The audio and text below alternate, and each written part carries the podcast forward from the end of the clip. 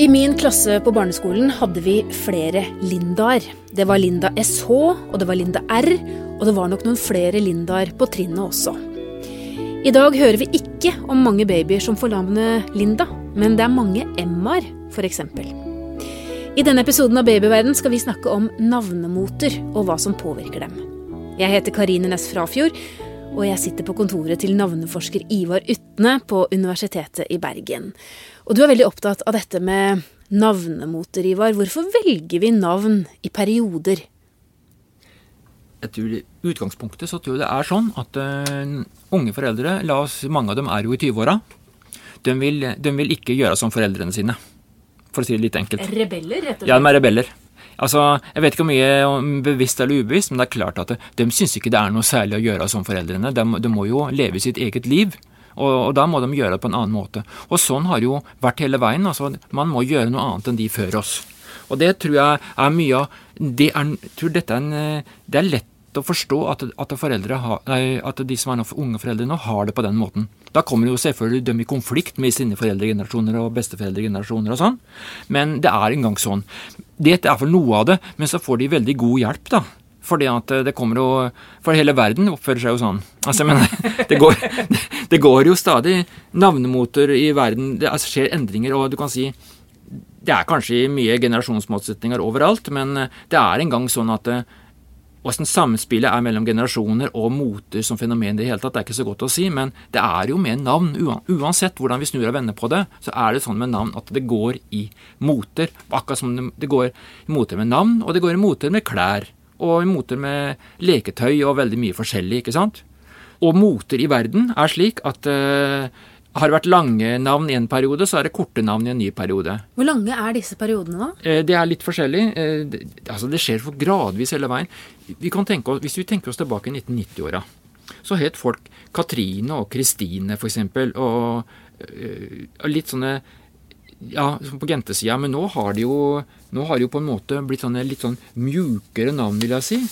Sånn, sånn som Oi, nå tar du fram en lang liste ja, her. Jeg må, jeg må, jeg må, ja, jeg må ha litt fuskelapp her. Her var det veldig mye navn nå. Ja, men du kan si La oss tenke oss at mens 1990-åra hadde sånn som jeg sa, med litt sånn K, Kristine og Katrine og Marte og litt, sånn, Det var litt t-er og litt k-er og litt sånne harde, harde konsonanter. Ja. Og hvis du ser i dag, så, så, er det nesten som smør, ikke sant? Sånn, sånn Maja, Olivia og Ella og Emilie og sånn. Hvorfor er, det, er, vi blitt så myke, da? Det blir så mykt, ikke sant? Fordi at nå har du liksom sånn at det, du har l-er og m-er som glir som smurt ikke sant? blant konsonantene. Og så er det blitt så mye vokaler i navnet nå. Emilie, det er jo så mye vokaler hele veien. Det er jo to inntil hverandre noen steder og sånn. Og sånn er det jo i veldig mye navn nå.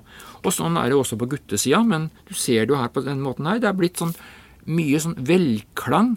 Og det er jo sånn at eh, i 90-åra så syns de Katrine og eh, Kristine var veldig fint, men nå syns ikke det er fint i det hele tatt. nei, jeg må ikke si det, da. Det er jo mange som heter Katrine ja, ja, ja, nei, da. Jeg heter jo nesten sjøl. ja, ja, men, men, men foreldre syns ikke dette er noe i unge lenger Selvfølgelig de som heter det, syns det er veldig fint. Hele generasjonen som har vokst opp i 90 år, syns dette er de beste navnene i verden. Det vet vi av undersøkelser. Det er ikke noe tvil om. Men så kommer rebellen. Så kommer rebellen som vil ikke, ikke drive med dette, for de syns dette ikke går an å holde på med disse, disse harkelydene. Men hvorfor forklarer du, eller hvordan forklarer du denne mykheten? Hvorfor oppstår dette? Nei, altså, det er, du kan si det er egentlig bare sånn at uh, har man trange bukser én tid, så vil man ha vide bukser en annen tid. Altså jeg mener, man, ja. man, man skifter mellom kanskje hardhet og mykhet. Og det, det, er liksom sånn at man vil ha man, Moter er jo sånn at de distanserer, de hold, distanserer seg, dvs. Si de gjør seg forskjellig fra hvordan det har vært før. ikke sant? Og dette kommer gradvis. Eh, dette har skjedd i, ikke bare i Norge, men det har skjedd i store deler av verden, akkurat disse, disse tinga der. Og det er, Hvis vi ser litt lenger bakover i tid, så er det sånn at uh, vi hadde f.eks. For forferdelig korte navn i Norge sånn uh, midt på 1900-tallet. Sånn som Liv og Odd og Leif og Per og Pål og sånn. Mm. Og så ble de plutselig lengre sånn i 90-åra, sånn som dem jeg nevnte i 90-åra. Og det, også andre var Kristoffer og Alexander og sånn. Og nå går vi, eh, samtidig med denne mykheten vi har nå, så går vi også nå mot navn som er korte av færre bokstaver. Altså De blir kortere igjen, navn blir kortere nå enn de var i 1990-åra. Vil vi gjøre det enklere for oss? selv? Ja, vi, kan hende vi vil gjøre det enklere for oss sjøl. Men du skjønner, at liten hake ved dette er at navnet er kortere, men det er like mange stavinger fordi at det er så blitt så få konsonanter. Altså, Navnet har blitt kortere nå de siste 10-15-20 åra. Kortere og kortere. I antall bokstaver. men de blir ikke kortere i antall stavelser, som vi sier, fordi at de har like mange vokaler som før. Det er bare at det er blitt færre konsonanter. Altså, De navnene som var i 90 år, det, det var mange sånne konsonanter i, i navna, og nå er det på en måte sånn nå at det, I øyeblikket så er det sånn at det er blant ti på topp blant jenter. I snitt der så er det flere. Det er overvekt av vokaler i de navna, men det var det ikke for 15-20 år siden. Så det betyr at det, det er blitt vanligere at man har døtter i navna har mye vokaler, men tatt, det er mye færre konsonanter i navna, og det gjør de at de har blitt mer sånn mjuke. Jeg vet ikke om det var mulig å forstå, men Ja, så vidt. Jo, men altså det, Ja, men det er sånn at uh, hvis, du, du, hvis, du, har Tar du Katrine, for eksempel, ja. så har du K-A-T-R-N. Ja. Du har fire konsonanter og tre vokaler, blir det vel. Ja. Men hvis du går på Emilie, for eksempel, så er det sånn at det, er mange flere vokaler enn det er konsonanter. I, I Emilie så er det vel to konsonanter, M og L, og så er det tre vokaler. Altså Det betyr at når det er sånn, så, så når du har flere vokaler, så blir det på en måte mjukere, mer stemthet, mer musikalsk navn. Mer musikalitet i navnet. Jeg vet ikke om noen forstår dette, men det altså, det har, dette har å gjøre med hvordan du får oppnår, går av fra noe å være litt mer sånn lite velklang til mye velklang. Vi skal snakke mer om påvirkelighet og hvor lett påvirkelige vi er, eh, men først eh, dette. Visste du at tidlig høytlesning, helt fra barnet er nyfødt, pangstarter språklæringen? Barn og babyer som blir lest for, utvikler språk og hjerne på en annen måte enn barn som ikke blir lest for. Godboken er bokklubben som tilbyr barnet ditt riktig bok til riktig tid, som engasjerer og bidrar til språkutviklingen. Se første bokpakke til barnet ditt på godboken.no. Jeg sitter sammen med Ivar Utne, som er navneforsker på Universitetet i Bergen, og vi snakker om dette med navnetrender, navnemoter og påvirkelighet. Og jeg lurer på hva er det som påvirker oss, da, når vi skal eh, velge et navn? For vi gjør det jo da i flokk. Ja, men eh, flokk og flokk. Det er litt forskjell på folk her.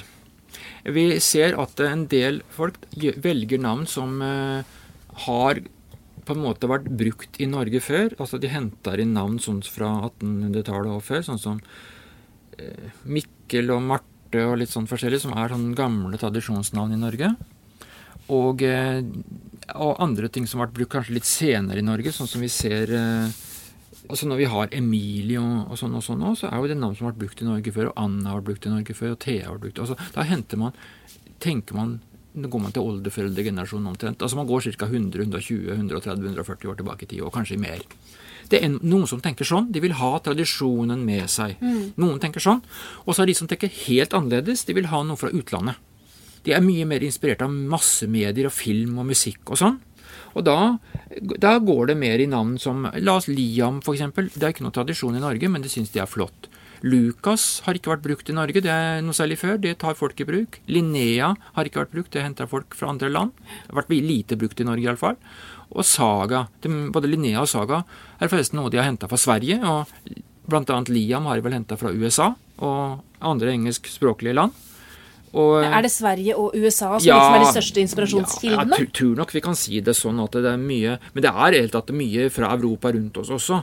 Men jeg tror nok mye av dette kommer fra USA og sprer seg i Europa. så Kanskje enten direkte fra USA til Norge, eller sprer seg til andre naboland i Europa, og så til oss. Det er ikke så godt å forklare åssen de tingene der er. Vi snakker jo ofte om at eh, Mange snakker om at, eh, det kommer, at vi blir påvirka av navnemoter i Sverige.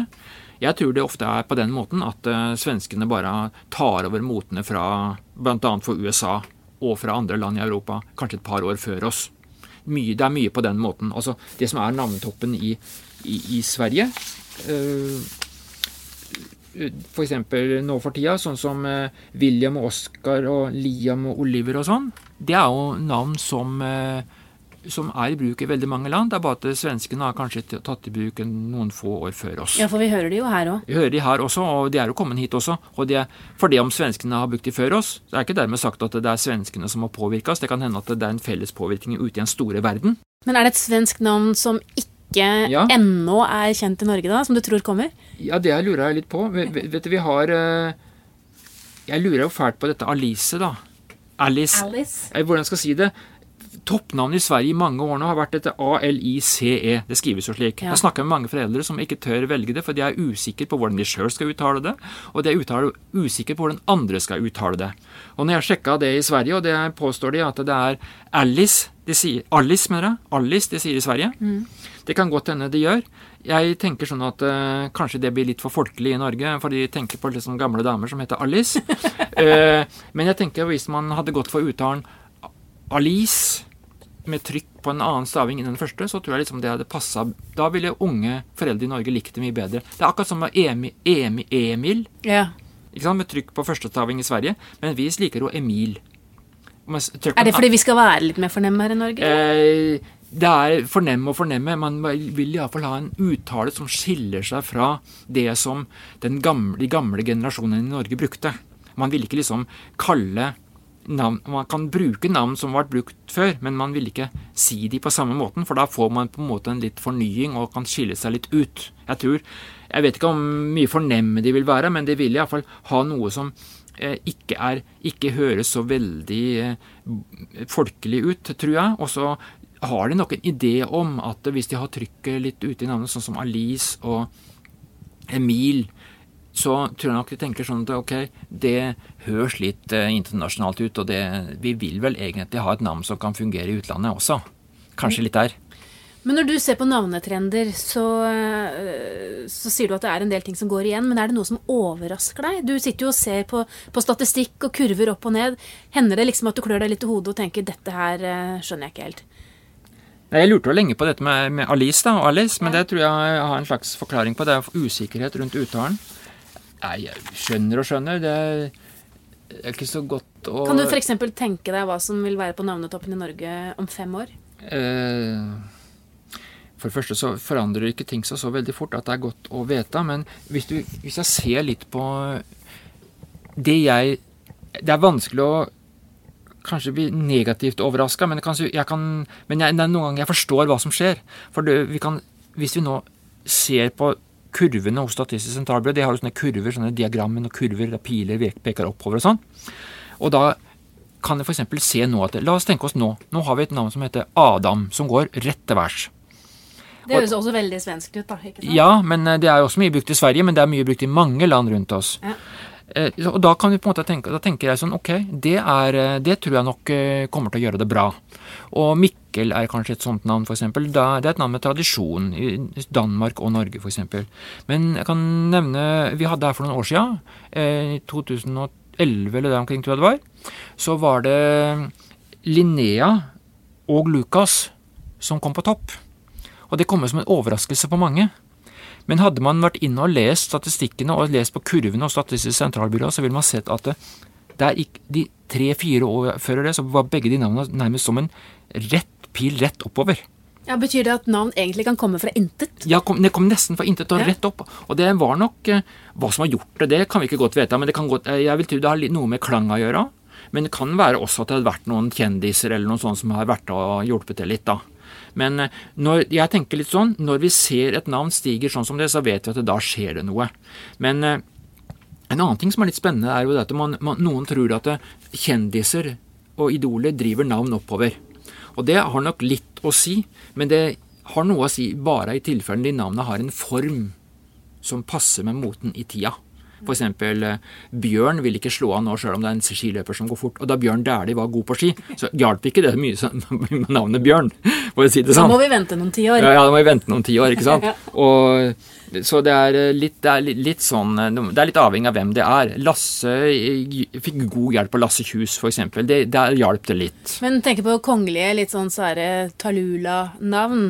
De tok vel ikke helt av, Det de tok ikke helt av, fordi at eh, for folk syntes det var litt for fremmed og litt for rart, rett og slett. Men da Ingrid Alexandra fikk navnet sitt, så hjalp det en del på Ingrid. Men ikke på Alexandra? Eh, ikke så mye på Alexandra, men mest på Ingrid. Men du vet at når Lea Isadora? Lea Isadora, så var ikke Isadora noe som slo an. For det var for sjelden, var for rart for folk, rett og slett. Men Lea fikk jo en voldsomt drivkraft.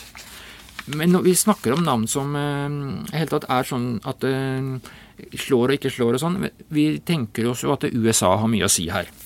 Og, vi, og og det har det nok, vil jeg tro. Men hvis vi ser på navnetoppen i USA, så finner vi noe, noe som ligner det vi snakka om. Der har vi f.eks. på guttesida Mason og James og Elia skrives med L-I-J-A-H. Det er en engelsk variant av Elias, for øvrig. Ja. Og Etan. Det er, dette var alt navn blant de ti, ti beste i USA. Det er ikke navn som slår i Norge. Og det er noe av det samme, at de føles så fremmede for oss. Ja, For du tror ikke de kommer, heller? Nei, jeg tror ikke de kommer. Og heller ikke på jentesida så tror jeg ikke Abigail slår an med det første i Norge, og heller ikke Harper. Fordi at det, det virker for underlig å uttale, og folk liksom Det virker så veldig eh, fremmed å uttale at jeg tror Det er greit nok å ha engelske navn, men de får, får liksom være grenser hvor forskjellig de skal føles. Og det er litt sånn at folk det er litt sånn som det. Det må liksom gli sånn noenlunde inn. Men du, tilbake til hun Linda, da, eller alle disse Lindaene i ja. min klasse. Når ja. tror du vi får noen uh, nye babyer som heter Linda i Norge? Det tror jeg er lenge til. Det som er litt artig, det er det at uh, vi ser jo nå Linda er jo et engelsk navn. Det er jo engelsk påvirkning som har vært ute og går. Eh, vi ser jo nå at f.eks. Emma, som du snakka om, har kommet tilbake. Vi ser Ella har kommet tilbake. Og i alle fall, og det, begge disse navnene der er eksempler på navn som var engelske. De kom fra mye fra engelsk. Ja, Emma kom vel mye fra tysk, forresten. Og Ella kom fra engelsk, og de var mye i bruk i Norge sånn omkring år 1900. Og de har på en måte nå kommet tilbake. Jeg vil tro at det kanskje Linda er omtrent samme sted. Linda var jo i bruk sånn i 60, kanskje inn i 70-åra, og da vil jeg kanskje tro at vi må kanskje vi må vel kanskje 50-60 år fram til i tid før dette skjer. Så det, det tror jeg der vi er. Da skal vi se om spådommene dine slår til. Ja. Takk skal du ha, navneforsker eh, Ivar Rytne. Hvis du lurer på mer om dette temaet, finner du mange artikler på babyverden.no og diskusjoner med andre foreldre i Babyverdens diskusjonsforum. Last også ned appen vår, Gravid og barn, så har du informasjon om både graviditet og barnet ditt rett på telefonen. Har du spørsmål eller kommentarer, kan du sende en e-post til podkast at babyverden.no. Takk for at du hørte på Babyverden. Alt godt til vi høres igjen.